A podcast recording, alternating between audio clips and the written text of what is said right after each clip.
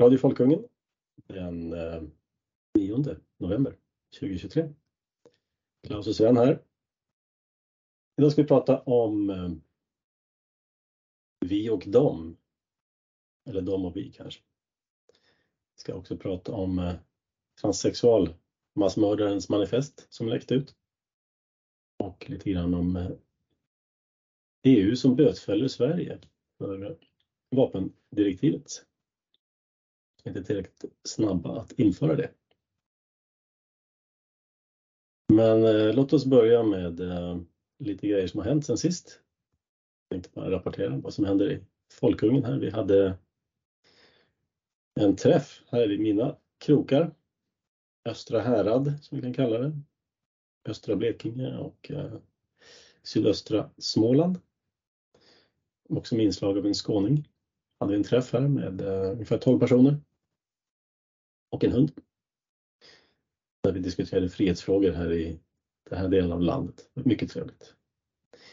Och eh, uppmuntrar andra att starta lokala folkungasällskap. Är det så att man gör det så kom vi gärna på besök. Eller man vill ordna en föredragskväll eller någonting sånt. Så ställer vi givetvis upp på det. Bara hör av er ett lämpligt sätt att höra av sig på. Det är mail eller via forumet. Om man är inte medlem i forumet än så kan man lätt bli det. Ehm, då så. Den här eh, transsexualmördarens manifest var ju dolt för omvärlden tills alldeles nyligen. Det läckte ut på något sätt och spreds av eh, Crowder, vad hette han i förnamn? Um, uh, Steven. Steven Crowder, just det. Louder med Crowder är ganska, det var ganska underhållande. Uh, men där läste han upp manifestet. Och vad stod det där Sven? Ja, jag har inte detaljstuderat det här, det ska jag erkänna. Men uh, det stod i princip att uh, den här mördaren ville mörda vita människor. Uh, som han eller hon kallade för cracker, tror jag. Cracker är väldigt nedsättande, ja. ungefär som n-ordet fast när det gäller vita istället. Precis. Pejorativt som man brukar säga. Uh, det, det intressanta med det här, tycker jag, det är att man kan jämföra den här händelsen, manifestet, med Breivik. Det är naturligtvis helt förbjudet att göra det. Uh, Teoretiskt sett skulle man kunna göra det. Precis, och nu ska vi teoretisera lite här då. Uh, och man kan ju börja med en disclaimer då att naturligtvis är det så att det Breivik gjorde var eh, på en helt annan nivå rent praktiskt och utfallet, konsekvenserna var också ännu mycket värre. Men det finns beröringspunkter här som, som förklarar varför det var så oerhört viktigt att det här manifestet inte skulle få läcka ut, vilket det nu ändå gjorde. Eh, och det där kan sammanfattas under paraplyuttrycket ensam galen gärningsman. Eh, det är nämligen så här att på, på vänsterkanten så har man eh, använt Breivik för att sätta en slags farlighetsstämpel på det man kallar högerextrema åsikter. Då. Eh, och förenklat så går argumentationen ut på att om man har sådana åsikter så är, är de radikaliserande, de är eh, förråande och det finns en risk att helt enkelt sådana som du och jag skulle få för oss att begå våld på våra medmänniskor. Eh, det här är naturligtvis trams. Eh, man resonerar på det här sättet för att man vill försvåra för oss att ha våra åsikter. Att ha dem offentligt och så vidare. Och då vill man göra oss till någon slags eh, halvgalen paria som ska gömmas undan i garderoben. Eh, om det nu visar sig att eh, vänsteråsikter eller åsikter kring transsexualitet eh, att revoltera mot det vita heteronormativa samhället kan skapa ensamma galningar som mördar barn. Då har man ett problem på vänsterkanten. Och problemet är inte att, att eh, de människorna uppfattar inte att problemet är att barn har blivit mördade utan de uppfattar att problemet, problemet är att eh, transsexualitet, hbtq och så vidare kan även det ses som radikaliserande och då faller ju hela eh, deras hantering av, av sådana som du och jag. Och det, det, är därför det är så, man ansåg det så farligt att det här eh, motivet till de här barnamorden, det skulle liksom absolut inte få få komma ut. Eh, vi slipper ju naturligtvis helt och hållet sådana här eh, konstiga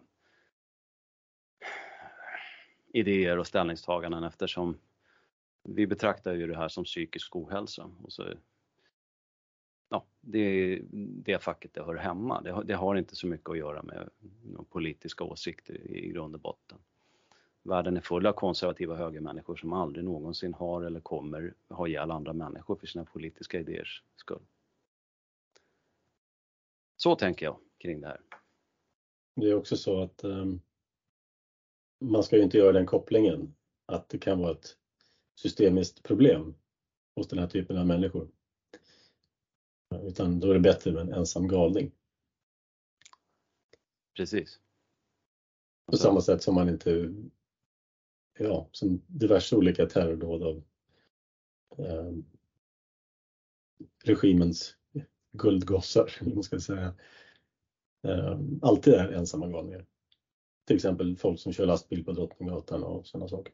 Ja. Det är ju besvärligt för socialingenjörer att hantera de här ehm, säga, avarterna. Uh, det, det, är en sak att försöka påverka människor via skatter och socialförsäkringar och, och, och sådär. Men, men hur ska man lagstifta, hur, man ska, hur ska man beskatta för att uh, förhindra psykisk ohälsa som är så grav att den tar livet av andra människor? Uh, det, det, det, låter sig inte göras med det. Mm. Så att... Ja, det här var ju en, eh, en kvinna som hette Audrey Hale som klädde ut sig till man och kallade sig för Aiden Hale. 28 år gammal ungefär, tror jag nästan. Eh, och skolan var ju också en, en kristen skola mm. och eh, konservativ.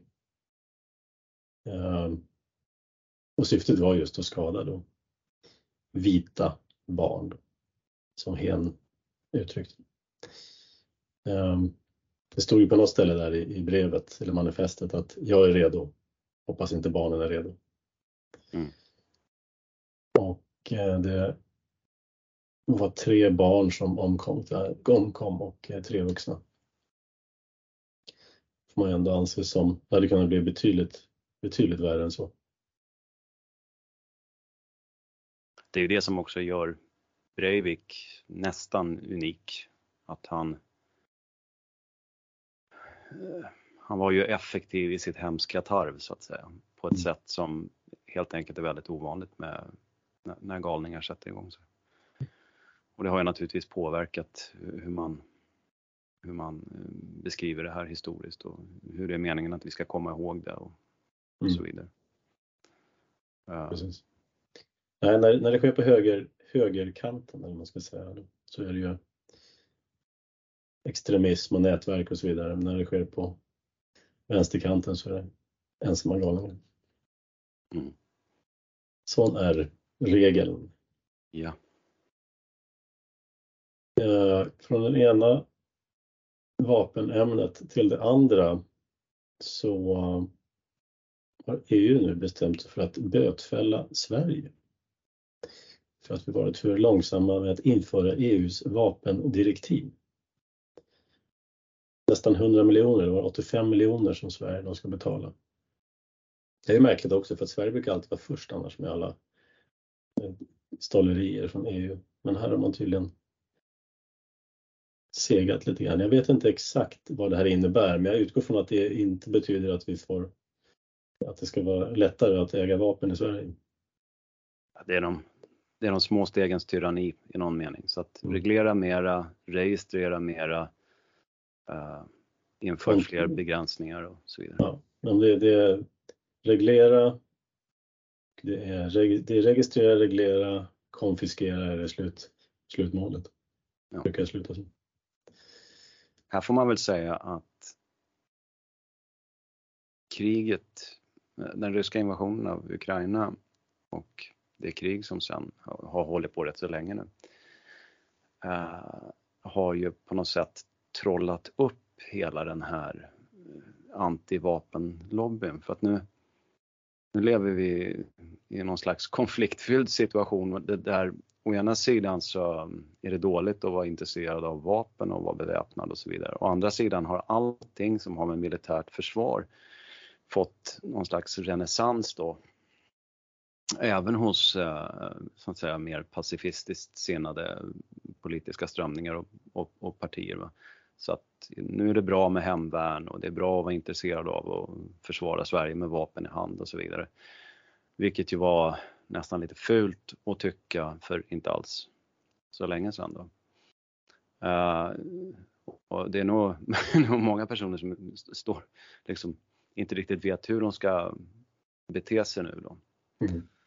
Uh, jag menar, om jag säger så här att ja, jag är förberedd, jag när ryssen kommer så tar jag min bössa och är först på plats. Det var för övrigt eh, någonting jag fick höra av eh, norrbottniska yrkesbefäl i Boden en gång i tiden när jag gjorde värnplikten. Att först på plats kommer det vara gamla gubbar i hem, hemvärnet och de kommer ha sina välskjutande älgstudsare med sig. Eh, och det var förmodligen sant. Eh, det sovjetiska invasionshotet är ju inte aktuellt längre då, men, men Nej, så det, det, är en konstig situation, så är det. Men EU som byråkratisk koloss, de kommer inte stanna. Det är ju liksom som en jätte, ett jättefartyg som slår back i maskin där. Det, det, det, det kan man göra, men innan fartyget stannar, än mindre vänder, så är det ju liksom en enorm tid. Mm. Det är därför vi måste lämna EU. Precis. Och är det, är det här rätt tillfälle Sven att... Um... Varje dag är rätt tillfälle Klaus. Uh, nej, jag tänkte mer på EU-parlamentsvalet här, det kommande. Ja, ja. ja. Ska du eller jag? Ja, du får. Ja, ja, men jag, jag kan annonsera din kandidatur till um, EU-parlamentet på AFS, val, um, AFS lista. Ja, då får väl jag återgälda tjänsten då och säga att uh, Eh, till skillnad från mig som är medlem i, i Alternativ för Sverige och har varit engagerad där rätt länge nu, så Klaus kommer att finnas på den listan också på valsedeln, men som, vi får väl säga oberoende kandidat då. Eh, vi gjorde nämligen så att vi erbjöd möjligheten för människor som delar ett EU-kritiskt synsätt och vill lämna EU att, att kandidera. Vilket du gjorde och har blivit vald av eh, kongressen till att eh, finnas på valsedeln i juni 2024 när det är EU-val. Just det. Jag hoppas vi kan vara vänner så länge som möjligt. ja. Uh, nej men EU är ju alltså uh, det finns ingen anledning att hålla fast vid ett projekt som är dömt att misslyckas. Så, så Nej, enkelt det är, helt, är det. helt omöjligt. Det kommer kollapsa och ju fortare man hoppar av den sjunkande skutan desto bättre är det. Ja.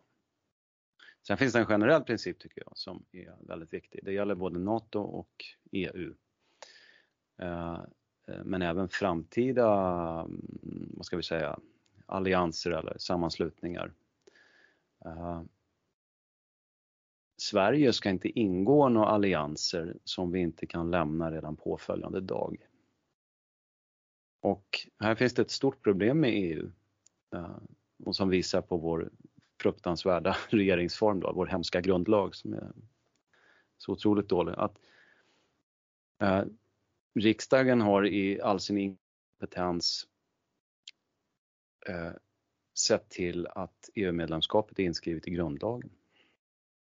Det vill säga, vi kan inte lämna EU över dagen utan med mindre än att vi så att säga begår våld på vår egen grundlag då. Utan vi måste eh, fatta ett beslut i riksdagen och sen ha ett riksdagsval och sen fatta ett nytt beslut. Mm. Det, här, det här är så korkat så det finns inte ord för det. Ja, precis. Det, det, det, varför ska man skriva in en sån sak som begränsar en själv? ja, alltså människor som skriver, skulle skriva såna här affärsavtal, de skulle gå i konkurs omgående. Det, det, ja, men, det, det, det är som att skriva in så här, skatten får inte vara lägre än 50 procent. okay. ja. Nej men det, det, är en, eh, man ska, man ska, som jag tror jag skrev vi ska hedra ingångna avtal men vi ska också förstå att vår motpart alltid kan välja att inte göra så. Därför måste vi kunna lämna alla sådana här samarbeten över dagen. Ja, precis. Det finns ju någon konstig idé här om att man gått in i ett sånt här avtal så skulle man aldrig kunna bryta det. Man måste ju alltid kunna omvärdera sådana här avtal därför att som alla, alla organisationer, de, de får med tiden ett, de blir, de blir ett självändamål fylls med människor som helst inte har riktiga jobb och sådär utan hellre sitter ja, långt borta skyddat med hög lön. Mm. Och sen blir det ett självändamål och så kommer sådana här lagar och regler och direktiv på direktiv på direktiv. Därför att man ska ha någonting att göra, utöka sina domäner. Och till sist blir det att, att den här organisationen skyddar sig själv mm. mot sina medlemmar. Ungefär som svenska staten skyddar sig själv mot svenska folket genom att avlyssna och begränsa och så vidare. Så precis på samma sätt som svenska staten har blivit ett, ett självändamål så har ju EU blivit ett självändamål också. Och då måste man kunna gå ur så fort som möjligt. Sen föds ju människor, eller vi människor föds in i sammanhang och under sin uppväxt och som ung vuxen så tar man ju väldigt mycket i livet för givet, eller man tar saker i, i omgivningen för givet. Så att äh, människor som växer upp idag, de tar ju EU för givet. Mm. Och väldigt få av dem kommer liksom äh, för egen maskin vakna upp i någon mening då och börja ifrågasätta det här. Och det här förstärks ju av att det finns en rätt utbredd syn i samhället där ska jag säga, eh, det här tanken om samhällsbygget, det vill säga att samhället är någonting som vi håller på att bygga som en skyskrapa eller eh, in, in, inte någonting som är organiskt och föränderligt och dynamiskt utan, utan eh, ett slags projekt eh, där vi strävar mot målsättning som inte någon riktigt förstår vad det är men, men, eh, men, men som ändå förväntas finnas där. Va? Och då, då, blir det liksom som en backventil i alla sådana här sammanhang. Att, ja, vi går med i EU. Ja, då ska vi vara med i EU för all framtid. Eh, vi går med i NATO, då ska vi vara med i NATO för all framtid. Eh, skatten går nästan bara upp, inte ner. I alla fall inte ner väsentligt. Eh, ja, vi bygger ut hela tiden. Det, det, liksom, det finns en, en offent, ett, ett offentligt över, en överrock så, som det liksom broderas på och, och, och, och pysslas med och så vidare. Det är oerhört besvärande och det är inte så liksom samhället och livet fungerar. Utan... Eh, ja, man såg ju det också, på tal om det här med att unga växer upp med en färdig bild. Då vid Brexit så var det övervägande del äldre som ville ut och yngre som ville stanna kvar.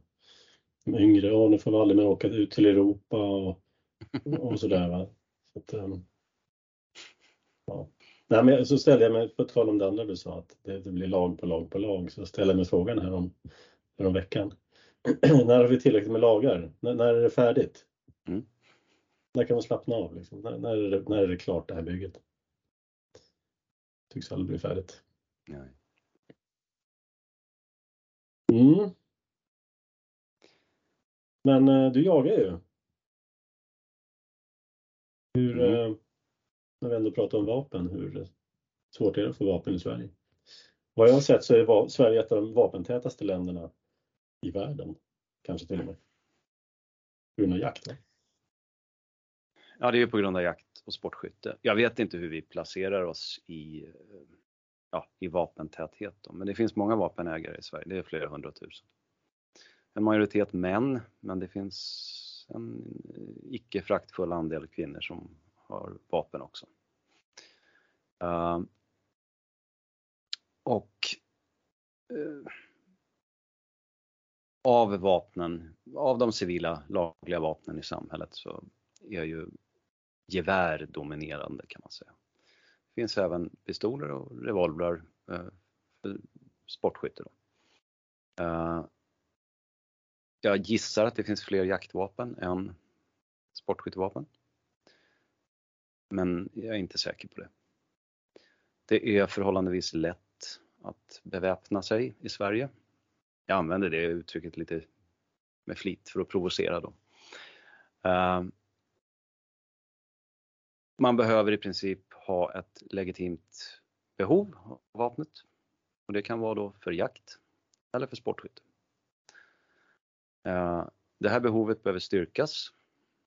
Eh, det räcker för jaktändamål att man eh, tar jägarexamen, som det heter. Att man innehar jägarexamen eh, anses då vara nog för att peka på ett behov. Jägarexamen det kan man ta genom att gå en studiecirkel eller, eller som privatist. Man, den fungerar nästan på samma sätt som att ta körkort. Det är enklare än att ta körkort. Uh, sportskyttevapen, då måste man styrka sitt behov genom att vara medlem i en sportskytteklubb och också kunna styrka då att man eh, regelbundet skjuter och att man förbättrar sina resultat. Eh, och det sköts med intyg kan man säga från eh, betrodda instruktörer och så vidare. Det är där också som gör att om du ska ha pistol så är det egentligen enbart genom sportskytte som du kan ha pistol. Men gevär, kan du ha som eh, för jaktändamål men inte pistol. Och, skillnaden, ja, det... och det gör att du måste, för att du måste upprätthålla det här eh, ja, din, dina färdigheter i pistolskytte för att behålla det där också. Ja, det finns faktiskt pistoler för jaktändamål men det är väldigt kuriosa. Det behöver vi inte gå in på.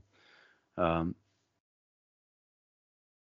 men jo, man, man söker då licens, man, man ser ut ett vapen man vill köpa hos en vapenhandlare eller köpa begagnat av en privatperson. Sen söker man licens för det vapnet. Det gör man hos polisen. Det kan fungera lite olika i eller det fungerar inte olika men eh, det är lite olika väntetider och sådär olika delar av Sverige. Lite olika traditioner hos polisen också. I vissa delar av landet så är de väldigt, vad ska vi säga, service-minded det, det, går fort och effektivt och i andra delar av landet så kan det vara trögare. Uh, när man har fått sin licens då betalar man bössan och hämtar ut den. Men man måste uppfylla då eh, förvaringskrav. Och det är princip att man måste ha ett godkänt vapenskåp. Eh, ska man förvara vapnet någon annanstans än i bostaden så måste man söka tillstånd för, för det. Så att man kan inte ställa vapenskåpet var man vill och ha, ha vapnet där. Och ungefär så här lätt eller svårt är det. Det är inga konstigheter alls. Och själva examen, det består av en teoridel och en praktisk del? Ja, precis.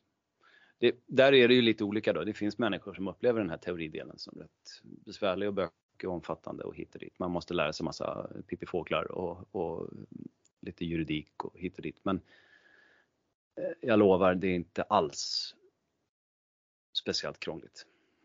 Det, och själv så rekommenderar jag den som är intresserad att gå en studiecirkel. Det är mycket skräp, smörja, ren skit i svensk folkbildning, men att ta jägarexamen tillhör inte det. Det finns jättebra kurser i studiefrämjandets regi till exempel.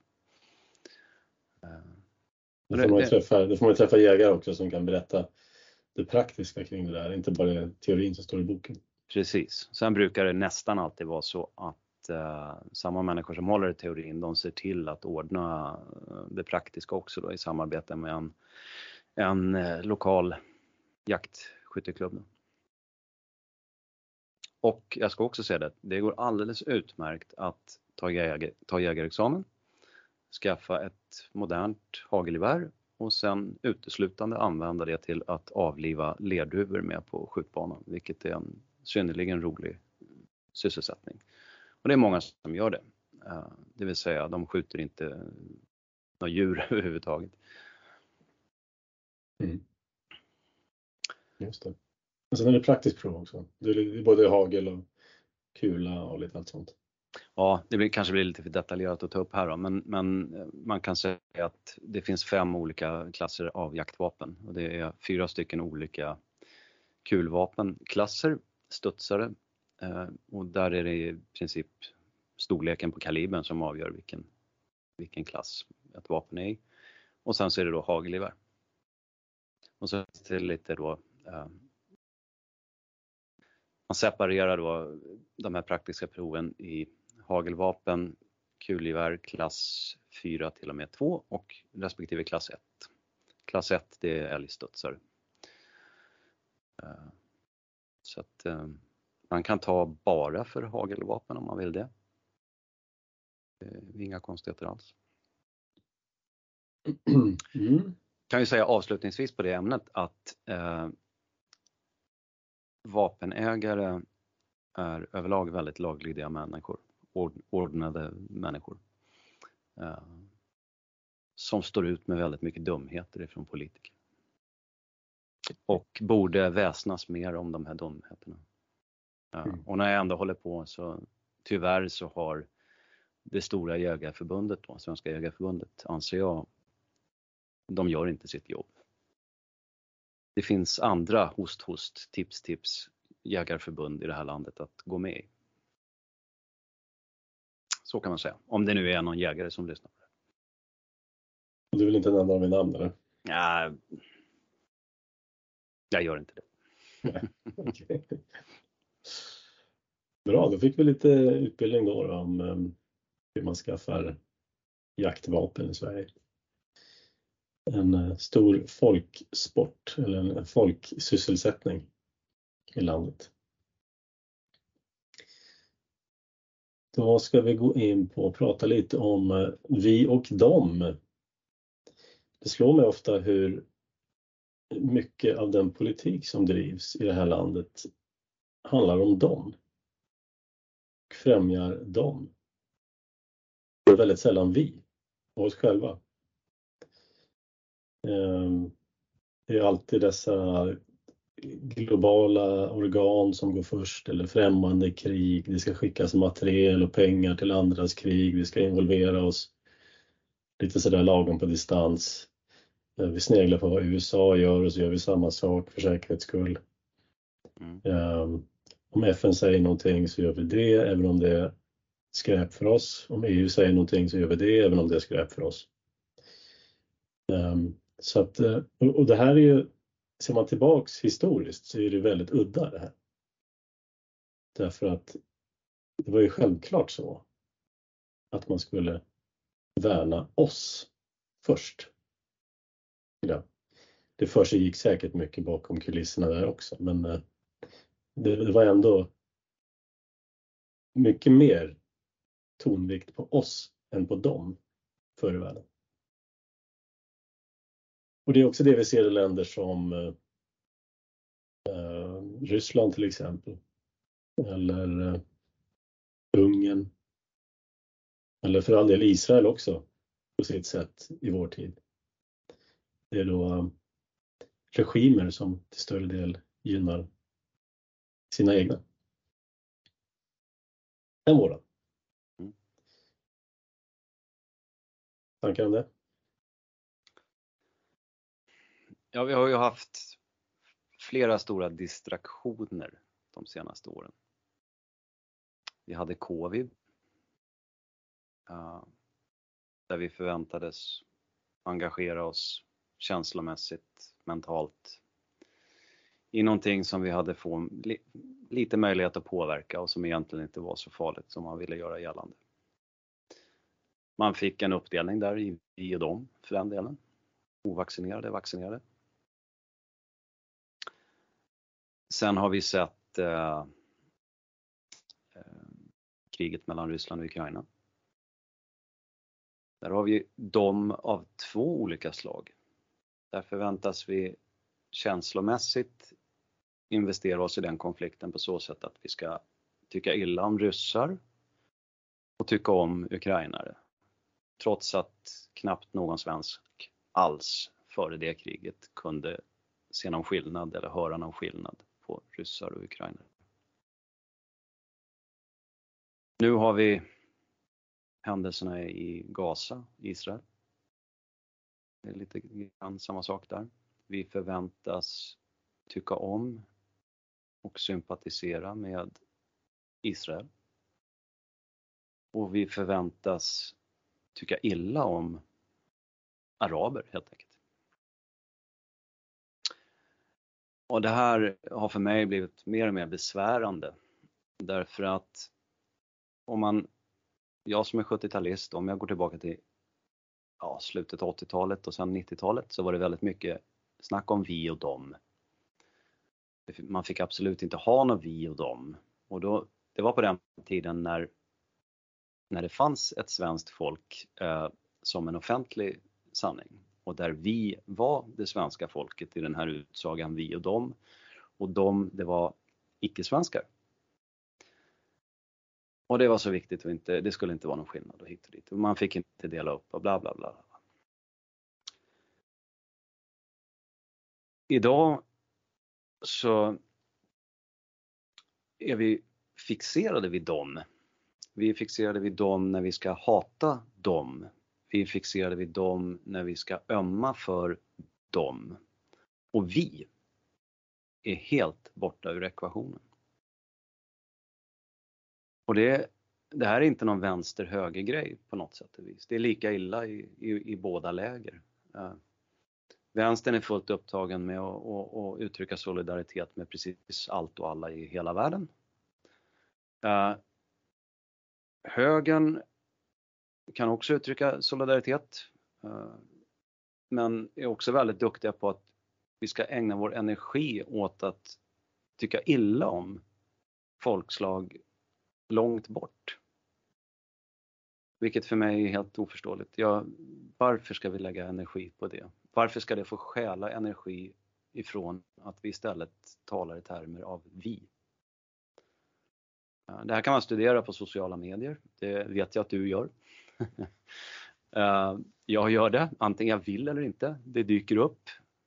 Det dyker upp i dessa tidevarv någon fantastisk massa dravel rent ut sagt. Eh, där man förväntas heja på då att, ja just nu då, tycka illa om, om, om de som bor i Gaza. Uh, och jag ser bara att det här är en stöld av tid som skulle kunna ägnas konstruktivt åt mitt folk. Mina barns framtid, mina barnbarns mina kommande barnbarns framtid. Det är oerhört besvärande. Jag, jag, jag är rakt orolig för den besatthet eh, människor har kommit att visa för andra folks göranden istället för sitt eget.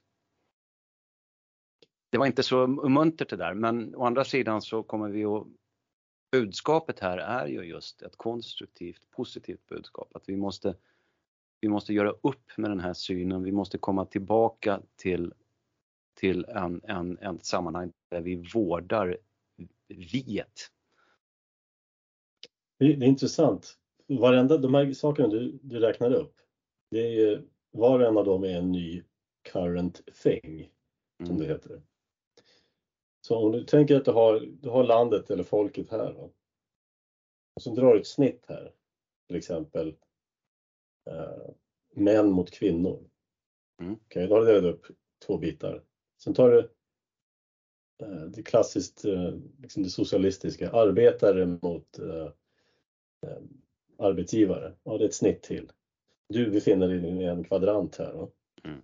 Ja, och sen så har vi då eh, ras eller hudfärg eller någonting. Och då drar vi ett snitt till. Och din grupp blir ytterligare lite mindre. Eh, klimat, vi, ja nej. Klimat, har vi ett mm. snitt där. Sen har vi covid. Sen så har vi Ukraina och nu har vi liksom Israel, Gaza. Så din, din lilla del av likasinnade blir mindre och mindre. Mm. Och det här är ett typiskt exempel på att söndra och härska. Ja. Divide ett impera. Mm. Ett söndrat folk är ett folk som är lätt att, att regera. Som inte sluter sig samman och går, går till bondetåg och tågar mot huvudstaden. Precis, och notera att alla de här grejerna det är saker som vi inte har någon som helst möjlighet att påverka. Det, det, det är ju det som är, alltså det är, jag brukar kalla det för att trampa vatten. Det är, alltså när man har en teknisk bakgrund så, så förstår man begrepp som nyttig energi. Uh, eller, eller den som är intresserad av sjöfart, då kan man tala i termer av speed made good. Eh, ett fartyg kan ha en en hastighet relativt en vattenström. Men speed made good, det är ju så att säga hastigheten i, i geografin, det vill säga över havsbotten. Mm. Uh, det är helt enkelt så att en förskräcklig massa människor är upptagna med att älta, stöta, blöta, oroa sig för och så vidare. Saker som de överhuvudtaget inte kan påverka. Medan det som vi har här omkring oss här hemma, det kan vi faktiskt i någon mån påverka. Absolut. Men energin blir liksom så utsmetad så att det blir väldigt lite energi kvar till, till det, som vi, det som vi kan påverka, som är väsentligt. Ja, alltså människor är intellektuellt begränsade. Även du och jag Klaus. Mm. Uh, Nej, men man, man, klarar liksom bara av att ha eh, ett begränsat antal spår igång samtidigt och så vidare. Och man, Eh, Eh, om man anlägger en konspiratorisk syn på det här då, eh, så skulle man kunna säga så här, ah, det, det, det, finns någon typ av maktelit som vill att det ska vara så här. Va? Att, äh, att äh, vi ska vara sysselsatta i tanken med en massa dumheter och då kommer det fylla upp arbetsminnet liksom i, i, i, i datorn vi har i huvudet och äh, väldigt lite plats kommer bli över för och ägna sig åt sånt som kan hota då eh, de som vill kontrollera allt det här. Eh, jag är väl inte riktigt sån att jag eh, tror att det är så enkelt. Jag tror att det är en delförklaring faktiskt. Eh, men eh, det är också så att det har hänt väldigt mycket i den tekniska utvecklingen. Så att sociala medier till exempel är ju en energitjuv, eh, helt klart. Men det är också så att det här är, det här är lika gammalt som romarriket ännu äldre, det är bara en form av bröd och skådespel. Ja. Mm. Pengar från staten och eh, underhållning från staten. Nyheter är ju bara underhållning i nyhetsformat egentligen. Så att eh, det känner nog absolut ett syfte att fylla våra små huvuden med den typen av förströelse. Mello, nyheter, serier och ja, allt sånt det, det är en brist på, det är en avsaknad av, ska jag säga, i det, i det eh, sekulära postkristna Sverige så står ju inte existentiella frågor speciellt högt i kurs. Uh, och det löser man ju då istället med lyckopiller och, och, och, och kröka och sådär, självmedicinering och, och gud vet allt. Och dessutom så är ensamheten utbredd. Eh, man har ju, det är inte fint att ha familj helt enkelt. Eh, och det är inte heller fult att skita i familj. Eh, vi har ingen diskussion om vårt ansvar att skaffa barn. För det är ju ett ansvar. Om alla skulle skita i att skaffa barn, då, då, är, det, då är det game over. Mm. Uh, och i ett uh, ja, när man inte pratar om de här ex existentiella sakerna då, då, tror jag också att, att eh, det är lätt att liksom mista fokus för att eh, då ser man inte vad som är viktigt. Eh, då förstår man inte att det finns människor lokalt som styr över en till exempel. Att det är angelägnare att byta ut dem än att oroa sig för vem som vann valet i Italien. det, det, det, ja. Mm. Ta valsystemet. Det är ett specialintresse jag har. Sveriges, det kan vi tyvärr inte utveckla nu, men Sveriges valsystem är helt enkelt fullständigt sinnessjukt. Det, det, det är alltså en anomali i den europeiska demokratiska civilisationen. Inte en människa förstår det här eller känner till det här därför att de är fullt upptagna och oroar sig över andra länders valsystem. Vi är duktiga på att skicka ut valobservatörer. Precis. Medan valobservatörer har bara varit på plats i Sverige en enda gång och det var för att Ryssland ville jävlas med Sverige. Så att den här liksom självbilden då att, för, för det, det, det, hänger ihop med det då att, att nej för tusan låt oss oroa oss för vad som händer långt bort för att vi är fulländade. Och, och, och så i nästa stund då, nej men du får inte ha sådana där åsikter för de är högerextrema då kan du riskera att bli en sån där som skjuter ihjäl kvinnor och barn. Så det, det, det är bara, det är liksom det, intellektuellt kaos i, i, i hela samhällsdiskussionen på något sätt. Du, du pratade där om att vi ska lära oss att hata andra folk. Kan man tänka på det att när man, eh, när man läste, alltså, ja, i sämre tider när man läste sådär om Pippis pappa som var negerkung i Söderhavet och sådär så hatade man inte de människorna. De var bara långt borta, det var lite kul, exotiskt. Det var inte så att man hade inga dåliga känslor mot dem. Eller araber eller eh, några andra. Det var ju bara människor långt bort. Det var lite kul, det skulle vara roligt att hälsa på kanske. Eh, men nu i, i toleransens tidevarv så är det ju mer hat mellan folk än jag någonsin upplevt i hela mitt liv. Ja, alla ska ju mätas mot en slags eh, liberalismens eh, måttstock liksom, som, mm. som recenserar då eh, folk. Hur, hur, behandlas kvinnor i det här samhället? Hur många, hur många kvinnor har de i parlamentet? Ja, ja, det Ett land som inte har tillräckligt mycket kvinnor i parlamentet kan vi inte göra affärer med. Såvida de inte säljer olja till exempel. Så det, det, får inte vara rysk olja heller för den delen. Nej. Ja, men det, det, är att recensera andra kulturer eh, och liksom rangordna dem och hålla på att peta och navelskåda. Och, alltså det är bara viktigt jävla trams. Vad var det som sa det? Det var amerikansk, eh, en deras tidiga presidenter. Uh, trade and friendship with all nations entangling alliances with no one. Någonting i den stilen. Mm. Det vi, vi handlar och vi är trevliga mot alla. Men vi blandar oss inte, vi gör inga, ingår inte allianser med dem. Nej. Och sen, det är ju inte konsekvent heller. Uh,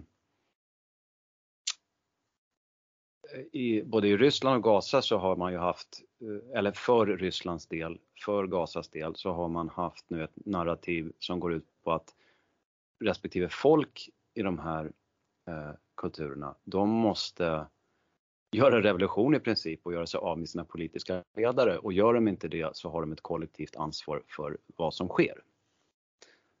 Det vill säga när Hamas gör någonting i Gaza så är det alla palestiniers fel i Gaza och Putins uh, uh, krig är alla ryssars fel därför att ryssarna inte gör revolution och gör sig av med Putin. Ungefär så. Palestinierna valde väl Hamas för var det 2004 eller 2007? Ja, det var, 16-17 år sedan. De fick, ja, de fick rösta en gång och sen var det ja, det, precis. Så det är klart att det blir deras fel. Så att en 17-åring som blir ihjälbombad i, i, i Gaza idag har, känner ju inte till någon, någon, något annat än att, att um, det samhället styrs av en, uh, jag vet inte hur vi ska beskriva dem, uh, en, en, en våldsam uh, teokrati. Ungefär så. Um, så att det, det är lite dumt att, att, försöka påföra eh, den personen någon, någon, någon skuld för rådande ordning. Men, men okej, okay, så att vi kan konstatera då att vissa folk, de görs till ansvariga för odemokratiska regimer. Och ska kollektivt bära det ansvaret enligt eh, västerlänningar då. Mm. Men så finns det ju andra folk, de är i samma situation, de är ju då offer. Och det är ju ingen som säger så här att, ja men vad fan Kina det är ju liksom en riktigt grisig 1984 konstruktion med, med i ett postkommunistiskt eh, kontrollsamhälle, enpartistat, eh, eh, massor med människor i fängelse för deras politiska åsikters skull och, och, så vidare och så vidare. Och så vidare. Kineserna har ett ansvar att äh, lägga Xi i giljotinen. Det, det är ju ingen som ens skulle komma på tanken och säga att det är kinesiska folkets, alla 1,4 miljarder av dem, att det är deras ansvar att göra sig av med, med, med enpartistyret i Kina. Så det, det, är mycket inkonsekvent beteende härifrån från diverse samhällsdebattörer. Det kanske har att göra med att vi ser med avund på Kinas system med de nya sociala kreditsystemen som är på väg att införas här också med EUs digitala plånbok och sådana saker. Ja, jag brukar återkomma till det. Kina är mardrömmen. Så Gaza är inte mardrömmen, det är Kina som är mardrömmen. Gaza är, är mer förståeligt än, än, än, än Kina. Det, jag sympatiserar inte med militant islam på något sätt och vis. Jag vill, att, jag vill att så många som möjligt lämnar Sverige till exempel och arbetar politiskt för att det ska ske. Men det är ju Kina som är skräcken. Mm. Kina som har världsherravälde ambitioner och köper upp infrastruktur och liksom nästlar sig in som en bläckfisk precis överallt. Ja, så är det. Men det är också EUs ideal. Det kinesiska ja, ja, visst. kontrollsamhället. Så det ska vi inte kritisera. Mm. Bra. Jag hade lite andra punkter här men jag tror vi spar dem. Vi kan väl nämna att det kommer bli en träff i, längre fram i vinter i Stockholm men vi säger inget datum än eftersom det inte är 100% spikat. Just det, men en sak är spikad. Okay. Den 12 december ja. så har vi en eh, träff i Stockholm. Och eh, det står högst upp på hemsidan. Eh, det finns ingen plats än och det kommer inte organiseras mer än att vi säger tid och plats. Det kommer bli en restaurang. Så dyker man upp där. Om man vill eller inte. Eh, så det är ingenting som vi tar emot betalning till eller så utan det man betalar till restaurangen och beställer det man vill ha i stort sett. Pubkväll?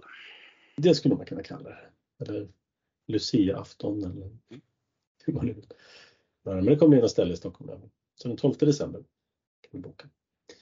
Då kan ni hålla er borta från sådana där dåliga Lucia-vakor och sånt också. Hade ni det när du gick i skolan också? Nej, inte, inte vakor. Det har, kanske fanns, men jag har liksom ingen Nej, det fanns, det fanns när jag växte upp. Lucia-vakar det brukade sluta med dåligheter. Okay. Eh, men vi ska ha trevligt, som vi alltid har när vi träffas. Mm. Då så, då avslutar vi där och eh, tackar för oss och hörs snart igen. Tack, tack.